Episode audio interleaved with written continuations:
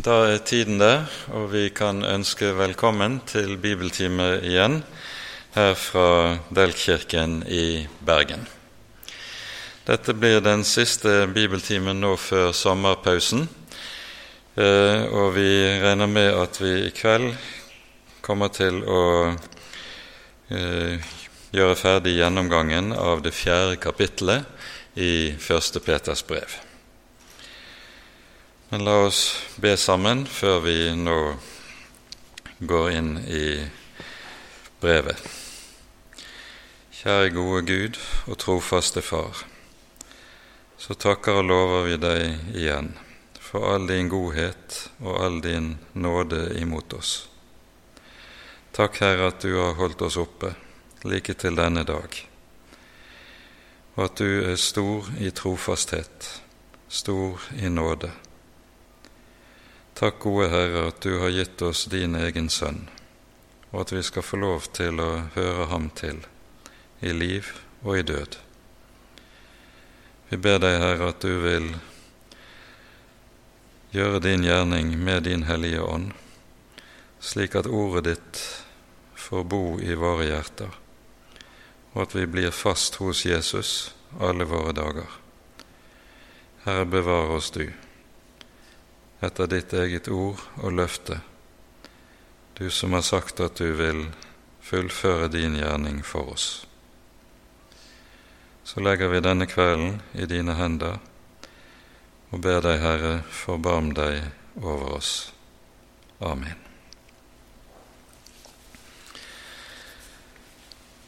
Sist gang var vi altså begynt på gjennomgangen av det fjerde kapittel i Første Peters brev, og vi rakk å komme til det sjette verset i dette kapittelet, slik at vi i dag arbeider videre fra vers syv av i Første Peters brev, det fjerde kapittel. Og Vi leser da fra vers syv av og ut kapittelet i Vår Herres Jesu navn. Men alle tings ende er kommet nær. Vær derfor sindige og edrue, så dere kan be. Fremfor alt ha inderlig kjærlighet til hverandre, for kjærligheten skjuler en mengde synder. Vær gjestfrie mot hverandre uten knurr.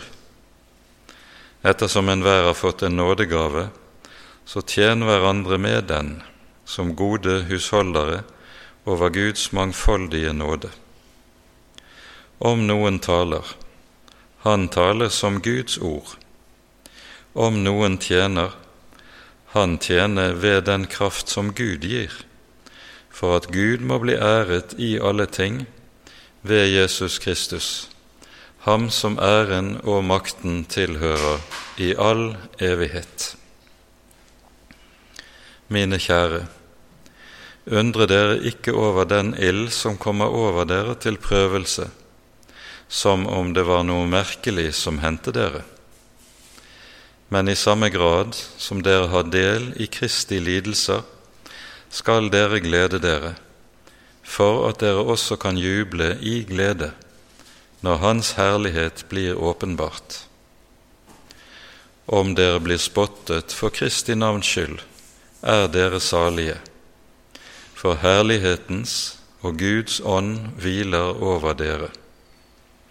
For ingen av dere må lide som en drapsmann eller tyv eller ugjerningsmann eller som en som blander seg i andres saker.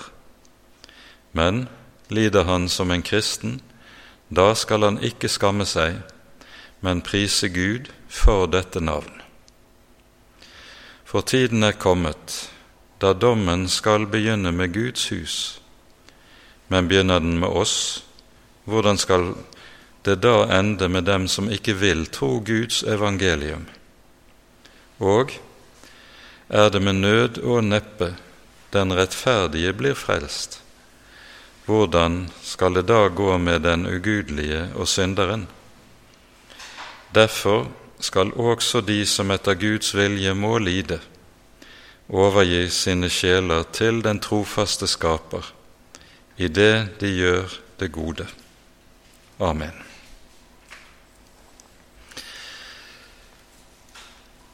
Dette avsnittet begynner med ordene 'Alle tings ende er kommet nær'.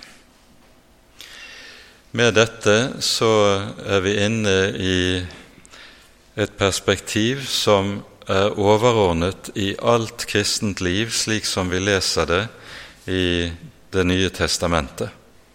De troende lever sitt liv i lys av Jesu gjenkomst, at Jesus skal vende tilbake. Nå er det jo slik at um, i Det nye testamentet er begrepet 'de siste tider' et begrep som i all hovedsak anvendes om tiden mellom Kristi første komme og Kristi annet komme. I og med Jesu gjerning, i og med at Jesus fullbyrder sin gjerning til frelse og inntar sete ved Faderens høyre hånd, så er de siste tider begynt. Og det er om disse tider det tales i åpenbaringsbokens tolvte kapittel, der vi hører om hvordan det blir en strid i himmelen når guttebarnet, han som er Messias, kommer til verden. En strid som medfører at dragen, som er djevelen, kastes til jorden. Og så sies det at han raser fordi han vet at hans tid er kort. Og nettopp denne djevelens rasen som vi hører om i Åpenbaringen 12, det er den som er bakteppet for det som vi hører er stadig tilbakevendende tema her i 1. Peters brev, nemlig forfølgelsen av Guds folk. Dette er jo det som eh, det overordnede temaet i siste delen av avsnittet som vi har lest. Men det innledes altså med ordene 'alle tings ende er kommet nær'. Vær derfor sindige og edrue, så dere kan våke. Når det her er tale om besindighet og edruelighet, så tenkes det nok både på det som er sagt tidligere i kapittelet, i vers 3, når det taler om hvorledes de kristne ikke lenger lever som hedningene gjorde, i skamløshet, lyster, drukkenskap, festing osv. Men når dette ordet anvendes sånn som vi hører det i en rekke steder i Det nye testamentet, så er det også tale om det vi kan kalle for åndelig nøkternhet, åndelig edruelighet. Fordi det jo er slik at det er en tendens til, kan det se ut til, hver gang det taler om de siste tider og de siste ting, så er det en del som synes helt å miste besindigheten og gi rom for alle mulige både spekulasjoner og konspirasjonsteorier som det er blitt så moderne å tale om i dag. Ikke lenge siden så fikk jeg høre fra noen som var litt bekymret med tanke på koronavaksinen, at de hadde fått høre at denne vaksinen den var dyrets merke. Og Derfor måtte de avstå og holde seg borte fra denne vaksinen hvis de ville leve som kristne nå i den siste tid. Den slags tanker vitner nettopp om det stikk motsatte av åndelig nøkternhet og edruelighet. Det er det skjære tøv men det sier altså en del om hvordan en del kristne mennesker helt kan miste besindigheten i møte med en del av det vi står overfor. Vær sindige og edrue. Åndelig nøkternhet er viktig. Og Her sies det så uttrykkelig 'vær sindige og edrue, så dere kan be'. Det er nemlig slik at der sindighet og edruelighet blir borte, der blir også den åndelige ro som er nødvendig for å kunne leve i bønn, borte. Her er det også antagelig slik at når det sies 'så dere kan be', tales det ganske særlig om de troendes felles bønn. Den felles bønn som skjer i gudstjenester og andre samvær. Det er en spesiell form som er anvendt grammatisk i dette, som kan peke i denne retning. Og Så fortsetter Peter med å peke på og si:" Fremfor alt, ha inderlig kjærlighet til hverandre. Og Nå i de neste tre versene, altså her vers 8, 9 og 10, så dukker ordet 'hverandre' opp i hvert av disse versene. Det er noen som har talt om hverandres teologi.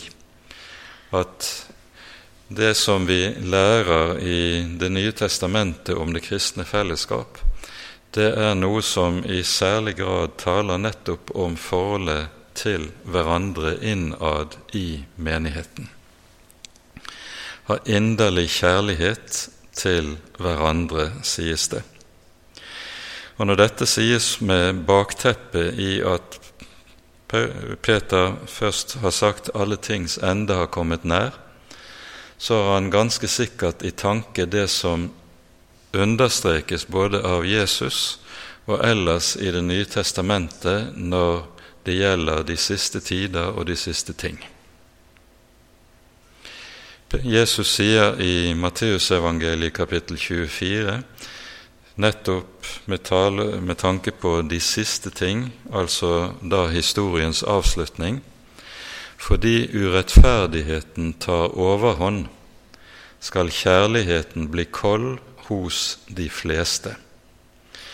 Og i 2. Timotius brev, i det tredje kapittelet, så taler Paulus med, i samme toneart og eh, peker på hva det er som skal eh, kjennetegne nettopp eh, det åndelige klima frem imot historiens avslutning. Her står det slik Dette skal du vite, at i de siste dager skal det komme farlige tider. I den tidligere oversettelsen sto det 'vanskelige tider'. For menneskene skal da være egenkjærlige. Altså kjærligheten blir borte fordi folk tenker bare på seg selv.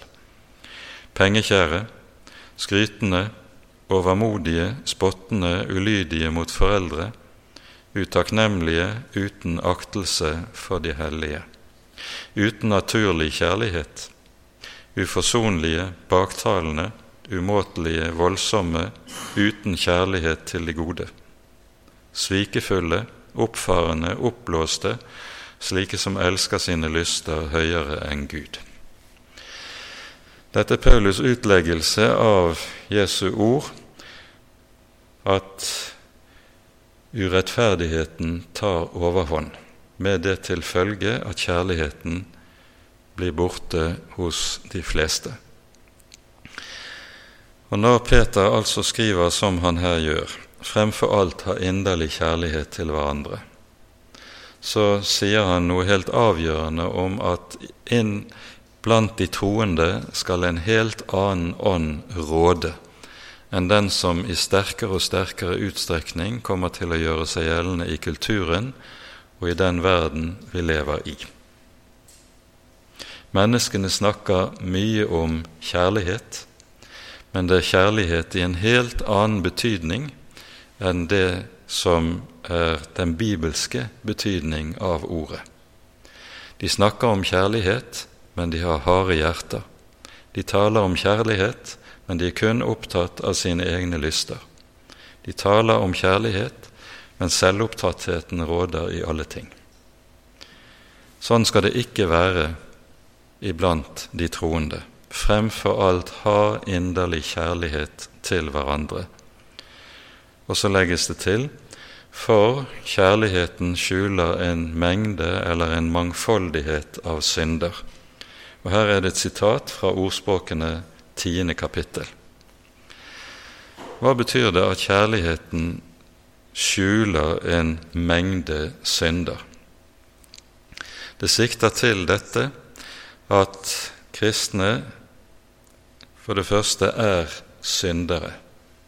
Den kristne menighet består av syndere som er plassert sammen under syndenes forlatelse for Jesus skyld. Men fordi de fortsatt er syndere, så vil synden komme til å gjøre seg gjeldende, og derfor er også syndenes forlatelse helt avgjørende at det er noe som råder de troende imellom.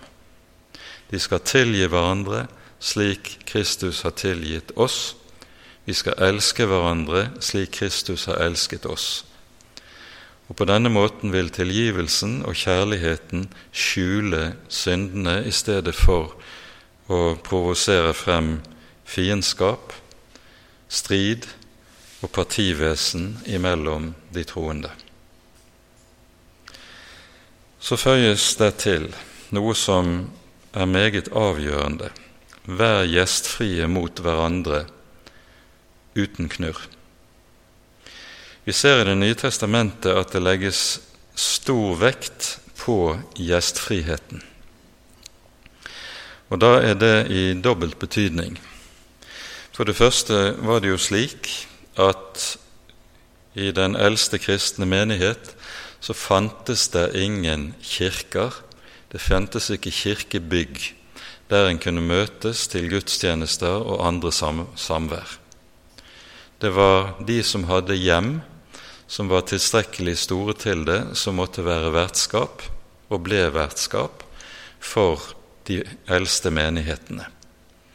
Slik hører vi Paulus f.eks. i Filemon-brevet tale om at han ber Filemon hilse til menigheten i hans hus.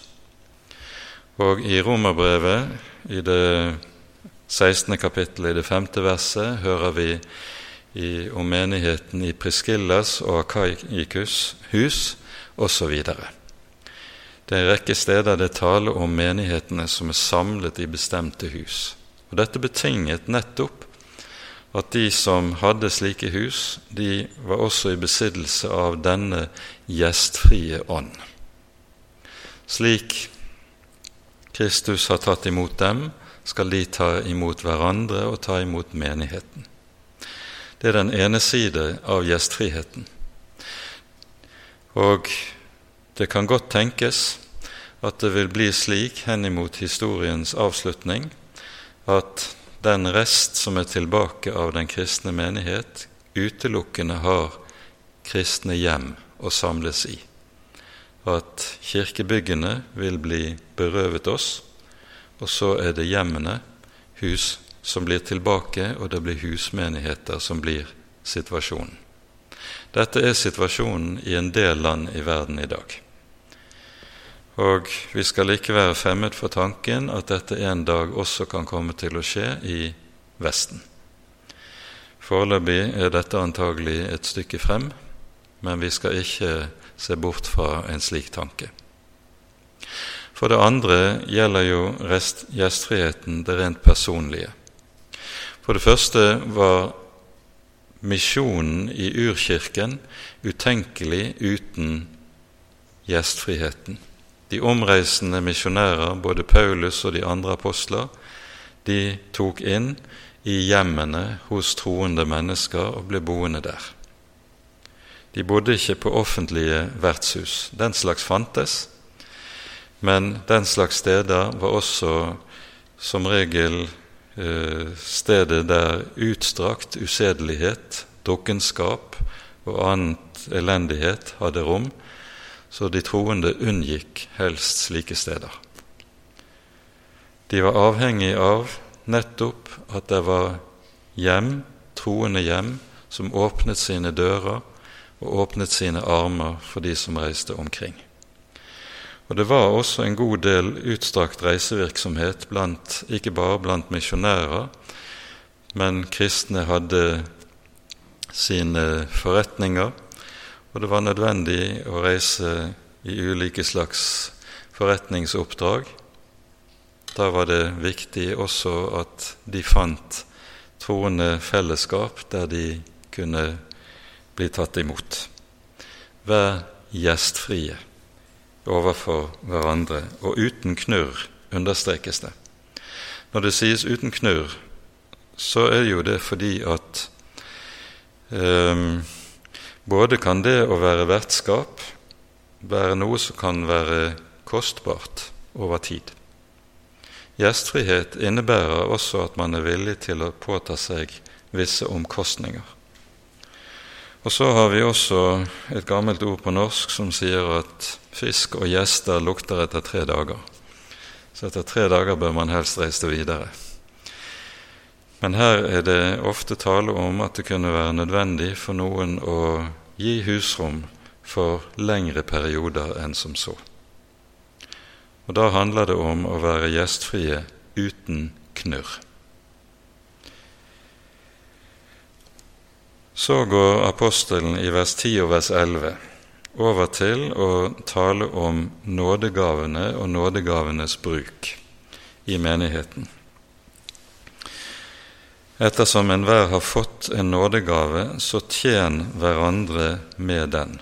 Her er det tredje hverandre som vi møter i disse versene. Det forutsettes med andre ord ut fra det som Peter her skriver, at enhver kristen har en nådegave. Det er ikke enhver kristen som har det vi kaller for ekstraordinære nådegaver. Det kan være meget forskjellig hva en har for nådegaver, men enhver kristen har en nådegave. Og så sier Peter, tjen hverandre med den.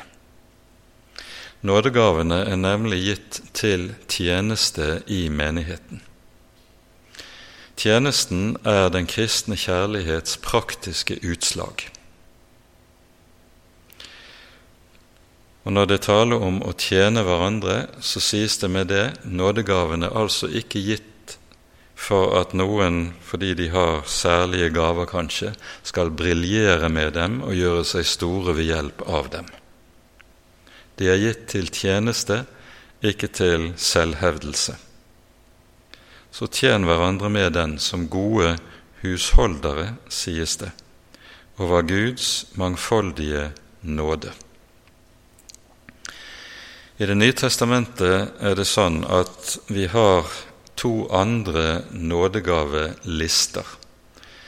Den mest kjente og det henger jo sammen med den karismatiske bevegelsen. Det er den vi finner i 1. Korinterbrevs tolvte kapittel, hvor vi hører om også de såkalte ekstraordinære nådegavene. Men det kan være verdt å være oppmerksom på at disse omtales faktisk bare her, i 1. Korinterbrev 12. De omtales ikke noe annet sted i Det nye testamentet. Og for det andre har du en nådegaveliste i Romerbrevets tolvte kapittel. Og I det tolvte kapittelet i Romerbrevet sier Paulus også noen ganske sentrale ord om nådegavene og den sammenhengen som nådegavene står i. Vi leser Romerne 12 fra vers 3 av. Ved den nåde som er meg gitt, sier jeg til hver og en blant dere at en ikke skal gjøre seg høyere tanker enn en bør, men en skal tenke sindig i forhold til det mål av tro som Gud har tilmålt hver enkelt. Legg merke til at det tales om at Gud tilmåler et mål av tro til den enkelte, og det målet kan være ulikt. Så fortsetter han for, altså begrunnende. For på et legeme har vi mange legemer, nei, har vi mange lemmer, men ikke alle lemmer har samme gjerning. Slik er vi også ett legeme i Kristus, enda vi er mange, men hver for oss er vi hverandres lemmer. Alt etter den nåde som er oss gitt, har vi ulike nådegaver. Om noen har profetisk gave, skal han bruke den i samsvar med troen. La den som har en tjeneste, ta vare på tjenesten, den som er lærer, ta vare på lærdommen, og så videre. Men legg altså merke til alt etter den nåde som er oss gitt, har vi ulike nådegaver. Poenget er troende mennesker, Guds barn, har forskjellig lys i Guds ord.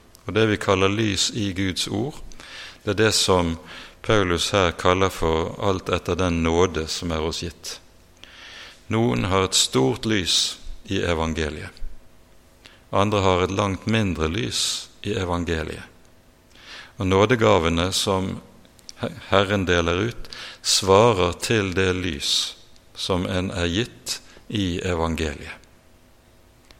Dette er en sak som er viktig å være oppmerksom på, og ikke minst fordi, sånn som situasjonen ofte har vært med innflytelsen fra den karismatiske bevegelse, så har en knyttet nådegavene til helt andre forhold enn nettopp til nåden, til lyset i evangeliet. Men det er der det har sin grunn og sin bunn, og det er dette vi er satt til å være forvaltere over. Det står hos Peter, hvis vi vender tilbake dit. Tjen hverandre med denne, altså nådegaven, som gode husholdere eller forvaltere over Guds mangfoldige nåde. Guds nåde er mangfoldig, den er rik. Ordet som er oversatt med 'mangfoldig', betyr egentlig 'mange farget', og går dypest sett tilbake til Første Moseboks niende kapittel, der det taler om regnbuen som nådetegnet og som paktstegnet som Gud setter på jorden, med løfte om at aldri skal det mer ramme en flom som gjør at hele jorden går til grunne. Så fortsetter Peter med å si i vers 11 om noen taler. Han taler som Guds ord. Dette er uhyre viktig, like som det er en enkel grunnregel for forkynnelsen. Det sies altså ikke om noen taler, han taler om Guds ord, men han taler som Guds ord. Det er de som taler om lov og evangelium, men de forkynner ikke lov og evangelium. Det er de som taler om Guds ord, men de forkynner ikke ordet. Å tale som Guds ord det er å tale på det vis som Guds ord taler til oss og adresserer til oss. For ordet har det med seg at der det lyder rett, der har det et bestemt mål, nemlig menneskets samvittighet. Loven har det med seg at når den kom, rammer samvittigheten, så vekker den samvittigheten den avslører synd. Mens når evangeliet lyder, så sendes det også med samvittighet som mål, men da for å gi trøst mot den anfektelse og den syndenød som loven kan vekke. Begge deler har samvittigheten som sitt første mål. Det tales altså ikke primært til følelseslivet, Guds ord, den som taler som Guds ord, han taler ikke sentimentalt for å vekke menneskers følelser. Han taler ikke primært heller intellektuelt for å appellere til menneskenes teoretiske evne. Da er det bare en liten gruppering i, blant tilhørende som vil ha interesse av og ha utbytte av å høre til på slikt. Men Guds ord skal primært ha sin adresse til samvittigheten, til tukt og til trøst. Tale som Guds ord, det innebærer også å, under, å unngå enhver form for overfladiskhet. Det overfladiske er noe som ikke har sitt rom i Guds ords tale. Det handler også om å unngå det som ser ut til å være en, har blitt en grøft i de senere tiår, at forkynnelsen skal ha større eller mindre grad av underholdningsverdi. Dermed så bedømmer man forkynnelsen etter om den er kjedelig eller ei. Dette er kriterier som er helt misforståtte. Forkynnelsen skal vurderes etter dette. Lyder den som Guds ord? Når Paulus gjør opp status etter sin, eh, sitt virke på over to år i Efesus, slik vi hører det i apostelgjerningene kapittel 2, så sier han annet at han er uskyldig i hvert menneskes blod. For, sier han, jeg har forkynt Han sier, jeg har ikke holdt noe tilbake, men forkynt hele Guds råd. Og Når Paulus bruker dette uttrykket og sier at han er uskyldig i hvert menneskes blod, så tenker han på ordene som lyder til profeten Esekiel i kallsberetningen som vi finner i Esekiels bok, kapittel 2 og 3. Der Herren sier til profeten menneskesønn, om jeg taler om et menneske og sier til, ham han skal dø på grunn av sine synder, og du ikke taler til ham så han kan omvende seg fra sine synder og leve, da vil jeg kreve hans blod av din hånd. Det er disse ordene Paulus har i tanken når han formulerer seg slik. Dette peker på at det å holde tilbake ting i Guds ord, det er noe som vil slå tilbake på forkynneren for Herren vil kreve ham til regnskap for det. Men det vil også kunne gå alvorlig utover forsamlingen og menighetene dersom de ikke får mulighet til å høre hele Guds råd.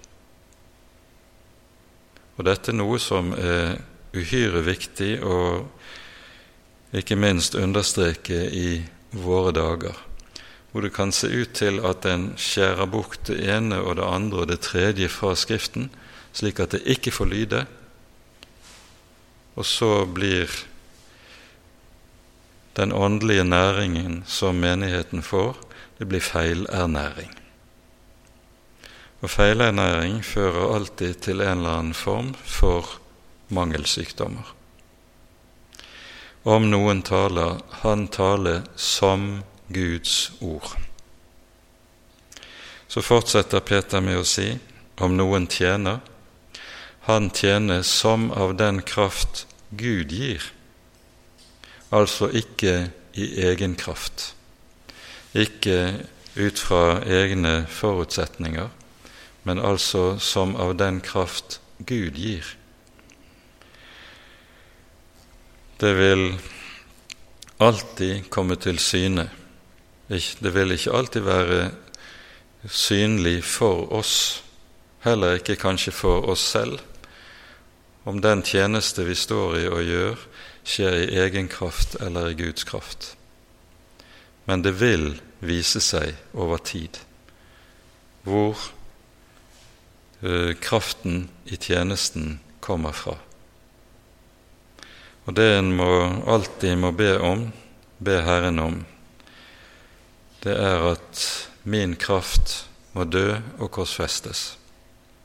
Og så må Vår Herres Jesu kraft få lov til å utfolde seg i og igjennom meg, i og igjennom oss. Og så sies det for at Gud må bli æret i alle ting, ved Jesus Kristus, ham som æren og makten tilhører i all evighet. Æres den som æres bør. Av ham, ved ham og til ham er og skal alle ting være i den kristne menighet. Og bare på den måten kan også han få æren alene. Her i denne sammenheng kan det være godt å minne hverandre om ordene som lyder gjennom døperen Johannes. Når eh, han opplever at det er færre og færre som slutter opp om hans virke og hans forkynnelse, og flere og flere som samles om Herren Jesus. Det er noe som ikke anfekter Johannes det aller minste, men i stedet sier han han, altså Jesus, skal vokse, jeg skal avta. Det er bare på den måten at Guds kraft kan utfolde seg i et kristent menneskes liv. Han skal vokse, jeg skal avta. Så fortsetter Peter med et nytt avsnitt som begynner fra vers 12. Og Da vender han tilbake til dette som er noe av hovedtema i Petersbrevet, nemlig den trengsel og den forfølgelse som de troende nå står overfor og måtte lide for Jesus skyld. Vi skal merke oss at begrepet forfølgelse brukes ikke i første Peters brev, fordi de egentlige forfølgelser som senere gjør seg gjeldende i Romerriket, de er enda ikke brutt ut. De første forfølgelser av denne typen, blodige forfølgelser, de kommer under keiser Nero etter Romas brann. Og da er det Peter altså lider martyrdøden i Roma. Men Petersbrevet er altså skrevet forut for dette. Det er mulig det er skrevet helt på slutten av Peters liv, etter at Roma brant og forfølgelsene har begynt i Roma, men det er lite trolig at det er tilfellet, nettopp fordi begrepet forfølgelse ikke dukker opp. Det brukes andre ord. Det tales om lidelse, prøvelse, baktalelse eh, for Jesus skyld. De kristne opplever nemlig at med sin nyvunne tro og med sin frelse så blir de satt utenfor. Vi hørte det allerede i innledningen til det fjerde kapittelet, når Peter beskriver hvordan de kristne går motstrøms i um, forhold til all den ugudelighet og all den synd som var så vanlig i um, datidens Romerrike. Og når hedningene ser dette, så står det i det fjerde verset, nå undrer de seg over at dere ikke løper med dem ut i den samme strøm av utskeielser, og derfor spotter de dere. Det er spott, det å bli satt utenfor, det å bli baktalt.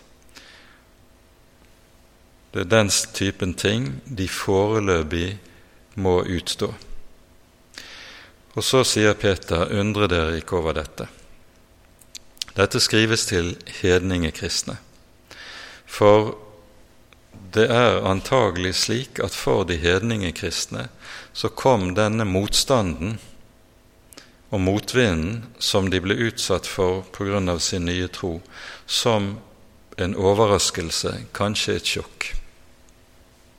For de jødekristne kom det nok ikke som det, for jødene var vant til motstand, vant til det å bli satt utenfor, sett ned på og tidvis også forfulgt. Men de hedningekristne var ikke vant til det. Dette var noe nytt. Og så sies det undre dere ikke over det. Undre dere ikke over den ild som kommer over dere til prøvelse, som om det var noe merkelig som hendte dere. Med dette vil Peter understreke noe som er helt avgjørende å være klar over i Guds rike. Guds rike er slik at vi alltid lever i motbakke. Det er normalsituasjonen i Guds rike. Og vi skal ikke forvente det annerledes. Hvorledes motstanden arter seg, vil variere fra tid til tid, fra kultur til kultur, fra nasjon til nasjon. Men motbakken vil alltid være der som en grunnleggende side ved det å høre Jesus til. Fordi Jesus jo sier med tydelige ord en tjener er ikke større enn sin herre. Har de hatet meg, så vil de også hate dere. Har de forfulgt meg, så vil de forfølge dere. Dette har Jesus gjort klart for disiplene, og dette hører altså med som en avgjørende side ved Peters undervisning i dette brevet. Vi hører denne saken omtales i det tredje kapittelet, fra uh, omtrent midt i kapittelet. Vi hører det i det andre kapittelet, og vi hører det også nevnes i første kapittel. Her sies det i det første kapittelet, og vi minner om dette som vi tidligere har gått igjennom. Derfor jubler dere av glede, skriver Peter, fordi de, de blir nemlig ved Guds makt holdt oppe ved troen. Og så sier han, derfor jubler dere av glede, selv om dere nå en liten stund nødvendigvis har sorg i alle slags trengsler. Dette skjer for at deres prøvede tro, som er langt mer kostbar enn det forgjengelige gull, som jo lutres i ild, skal finnes til lov og pris og ære i Jesu Kristi åpenbarelse. Det er altså de samme uttrykkene som vi møter i kapittel 1, som Peter vender tilbake til her i det fjerde kapittel. Undre dere ikke over den ild som kommer over dere til prøvelse. Og Begrepene som anvendes her, de er egentlig hentet fra Salme 66,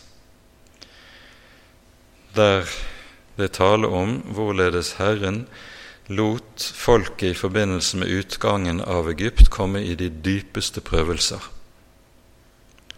Du førte mennesker over vårt hode, sies det at Gud gjorde med folket. Du førte mennesker over vårt hode. Vi kom i ild og i vann, men du førte oss ut til vederkvegelse, lyder det videre. Og så skal vi da merke oss, når det taler her om den motstand, motvilje og hat som de troende møter fra verden, så kalles dette for en prøvelse. Og begrepet ild brukes. Når du møter motstand for Jesu skyld, så fungerer det også på samme måte som prøvelse gjør på sølvet, eller ilden gjør på sølvet. Det smeltes, og slagger smeltes ut. Så motstanden for Jesus skyld, i den så utfører Gud altså også en gjerning i våre egne liv og i våre egne hjerter med tanke på å få ut slaggene, rense oss. Dette har altså en avgjørende betydning i forhold til det vi kaller for helliggjørelsen i det kristne liv. Derfor brukes altså begrepet prøvelse. Så fortsetter Peter med å si i samme grad som dere har del i Kristi lidelser, skal dere glede dere, for at dere også kan juble i glede når Hans herlighet åpenbares. Her kalles det å lide motstand og trengsel for Jesu navns skyld å ha del i Kristi lidelser. Det er et uhyre viktig uttrykk. Paulus anvender dette i Romerbrevets åttende kapittel, der det sies sånn i det syttende verset. Er vi barn, da er vi også arvinger. Vi er Guds arvinger og Kristi medarvinger, så sant vi lider med ham, for at vi også skal herliggjøres med ham. Med ham. Dette er en tanke som er helt grunnleggende For her er det ikke tale om den enhet med Jesus i hans død og oppstandelse som vi får del i i dåpen, men her er det tale om å lide med Kristus når en står i forfølgelse, motstand og under hat for Jesu navns og for Jesu ords skyld. Så fortsetter Peter med å alludere til Jesu ord ifra bergpreken. Om dere blir spottet for Kristi navns skyld, er dere salige, for herlighetens og Guds ånd hviler over dere. Jesus sier i det femte kapittelet i bergprekenen Salige er de som blir forfulgt for rettferdighets skyld, for himlenes rike er deres. Ja, salige er dere når de spotter og forfølger dere og lyver dere alle hånde ondt på for min skyld. Gled dere og fry dere, for den lønn dere har i himmelen er stor, for slik forfulgte de profetene før dere. Her er poenget at en kristen skal ikke skamme seg når han møter motstand, utfrysing, for Jesus skyld. Når han møter hat og baktalelse for Jesus skyld. Han skal ikke skamme seg, men tvert om, sånn som det står i vers 16, lider han som kristen, skal han ikke skamme seg, men prise Gud for dette navn. Det er derfor vi hører i apostelgjerningene 5 at når Peter og Johannes er blitt pisket i Det høye råd, så står det de gikk ut derfra glade til å bli aktet verdige til å vanæres for Kristi navns skyld. Nettopp dette er noe som vi også hører fra den forfulgte kirke mange steder rundt omkring i vår verden den dag i dag. Ingen av dere, sier sies det videre i vers 15, må lide som en drapsmann eller tyv eller ugjerningsmann eller en som blander seg i andre saker. Dersom kristne gjør den typen grove synder, da kommer de til å bli slik at Guds navn spottes for deres skyld sånn som det sies f.eks. i Romerbrevet i det andre kapittel. Dette er noe en kristen for alt i verden må unngå. Det er et eget uttrykk som anvendes her i dette verset. Å være drap, drapsmann, tyv eller ugjerningsmann. Her er det jo tale om grove forbrytelser, kriminelle handlinger. Men det siste uttrykket som anvendes, det har fått alt som er av fortolkere til å klø seg i hodet. En som blander seg i andre saker. Hva i alle dager er det? Her brukes det et eget ord i grunnteksten som kun finnes her, ikke bare i Det nye testamentet, men det finnes ikke ellers i den sekulære greske språkverden. Antagelig er det et eget ord som Peter har laget for anledningen. Og Nettopp fordi dette er et ord som man ikke har noen parallell til, så har man klødd seg i hodet. Hva i alle dager er det Peter har i tanke? Ordet bokstavelig betyr eh, det sammensatte av to ord. Eh, den første delen taler om det som hører andre mennesker til, og den siste delen betyr å ha tilsyn med. Altså det å gi seg til å prøve å ha tilsyn med det som er andre folks sak eller business. Det kan da sikte til f.eks. det som mange av utleggerne tror. Det kan dreie seg om at kristne for, i Kristi navn gir seg til å gå styresmaktene i næringen og kanskje sågar propagandere for en eller for annen form for ulydighet eller opprør mot styresmaktene. Det er usikkert, men det her er det, i oversettelsen er det, har man prøvd å gjengi en tilnærmet bokstavelig eh, oversettelse av begrepet, men det er altså vanskelig å vite nøyaktig hva det er Peter egentlig mener med dette begrepet. Vi skal ikke gi oss til å blande oss i andres saker. Herren har gitt oss vårt kall, og vårt, det som er vårt kall, det er vår egen sak. Og så skal ikke vi blande oss i andres kall. Det er i hvert fall noe som er bibelsk riktig. Men utover det så skal vi være forsiktige med å trekke for bastante slutninger av hva dette begrepet egentlig kan bety nøyaktig. Så slutter dette kapittelet med ordene fra vers 17. Tiden er kommet da dommen skal begynne med Guds hus.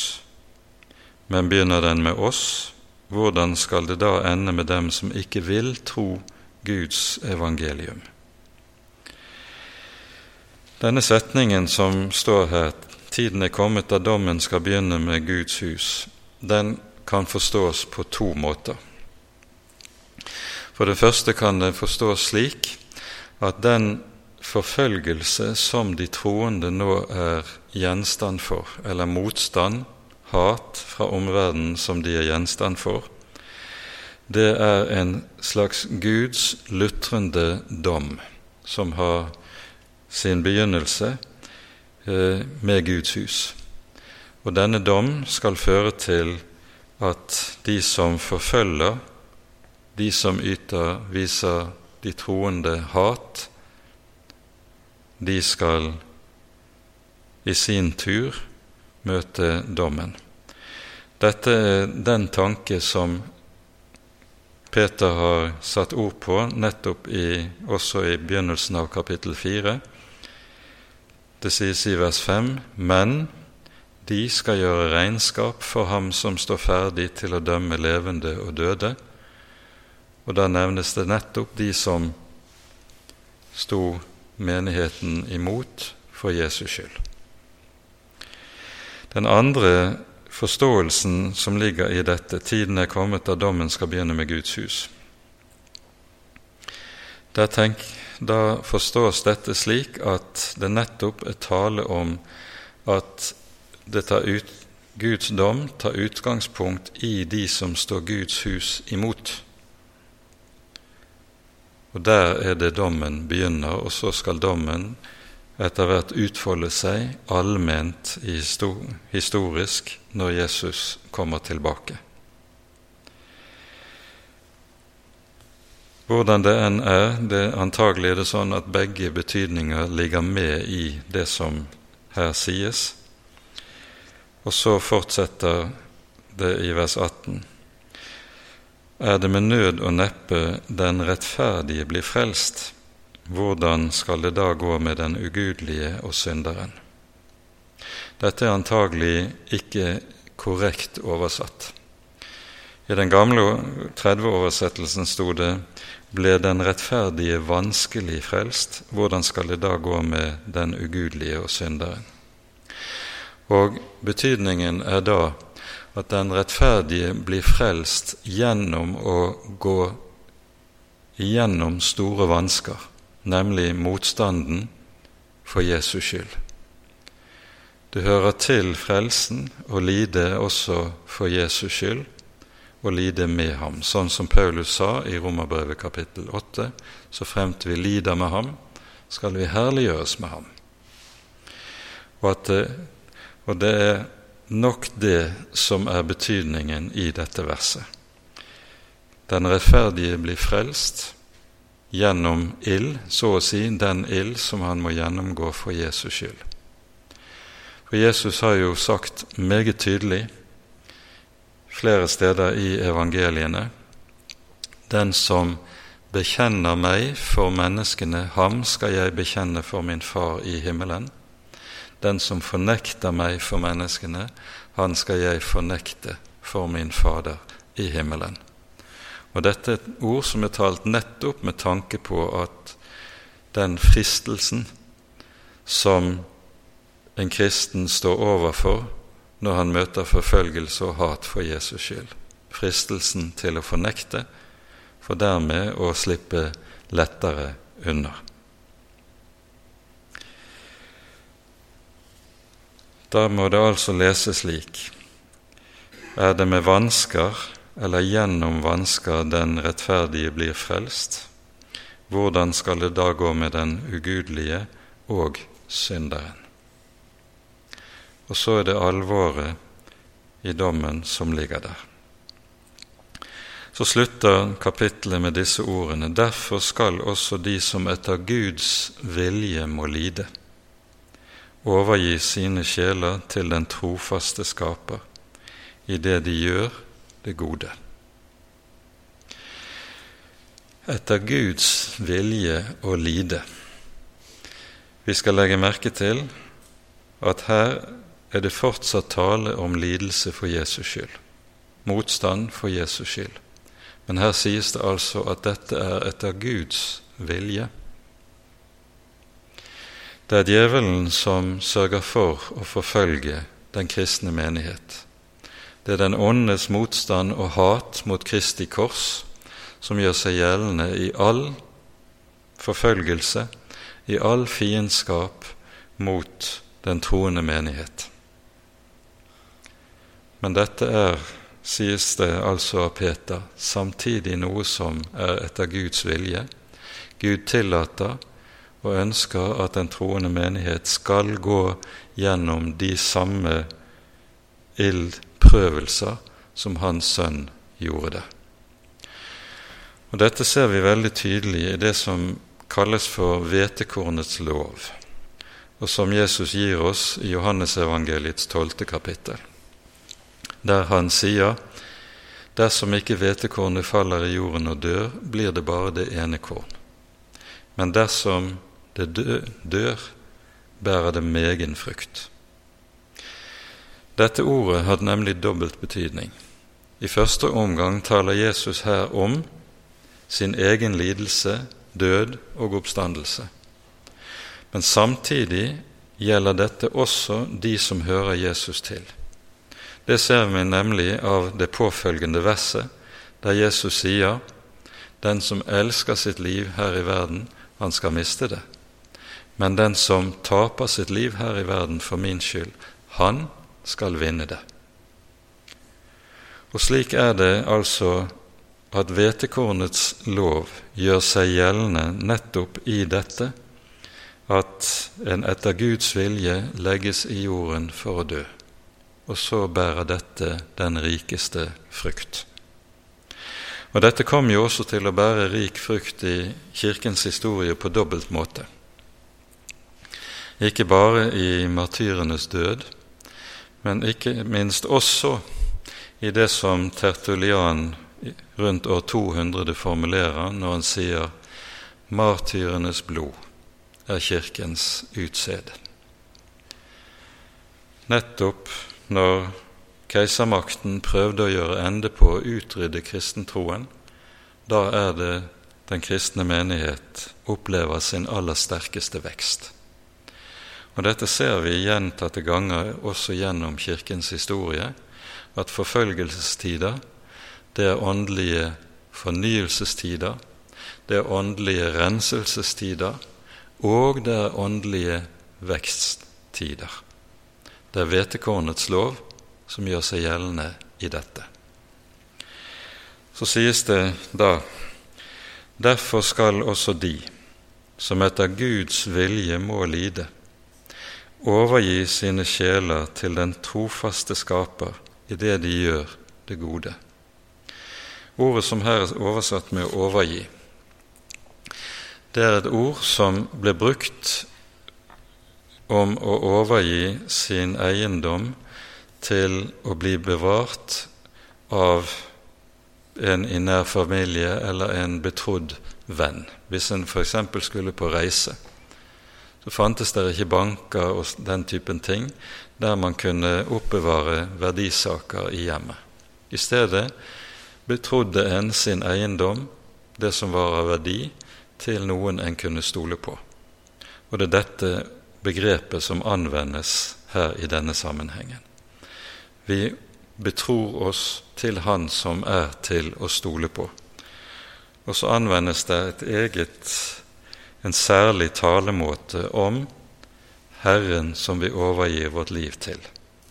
Til den trofaste skaper. Hvorfor kalles Gud skaper her? Hvorfor sies det ikke 'til den trofaste frelser', f.eks.? Det som ligger bak, er ordene fra Salme 146, som vi tar oss tid til å lese. Her står det slik Først sies det 'sett ikke deres lit til fyrster, til et menneskebarn som ikke kan frelse'. Og så følger det motsetningen 'Salig er den som har Jakobs Gud til sin hjelp', som setter sitt håp til Herren sin Gud, Han som skapte himmel og jord, havet og alt som i dem er, Han som er trofast til evig tid. Den siste setningen, som her er oversatt med 'Han som er trofast til evig tid', den, der er det slik at det egentlig står i grunnteksten 'Han som vokter trofasthet til evig tid'. Han som vokter trofasthet til evig tid. Eller det kan også oversettes 'Han som vokter sannheten til evig tid'. Og nettopp disse to tingene knyttet sammen med Han som er den allmektige skaperen. Han som er skaperen, som har skapt alle ting, er samtidig den som vokter trofasthet til evig tid. Og så sier Peter, du skal overgi din sjel, du skal overgi ditt liv, i Hans hånd som er alle ting skaper, som derfor er den som kan ivareta deg fordi han er den allmektige fordi han også samtidig er den trofaste som aktivt våker over sin trofasthet. Han glemmer den ikke, men han våker over den for alle sine små. Hva hans er, hegner han omkring, i stor trofasthet. Og så kan en kristen sette sin vei i Guds hånd, selv om det kan være mye motstand mye trengsel og mye smerte og lidelse han må utstå for Jesus skyld. Han er likevel i Herrens hånd. Han er i Herrens hånd ikke bare i gode dager, men også i de onde dager. Ære være Faderen og Sønnen og Den hellige ånd, som var og er og være skal en sann Gud, høylovet i evighet. Amen.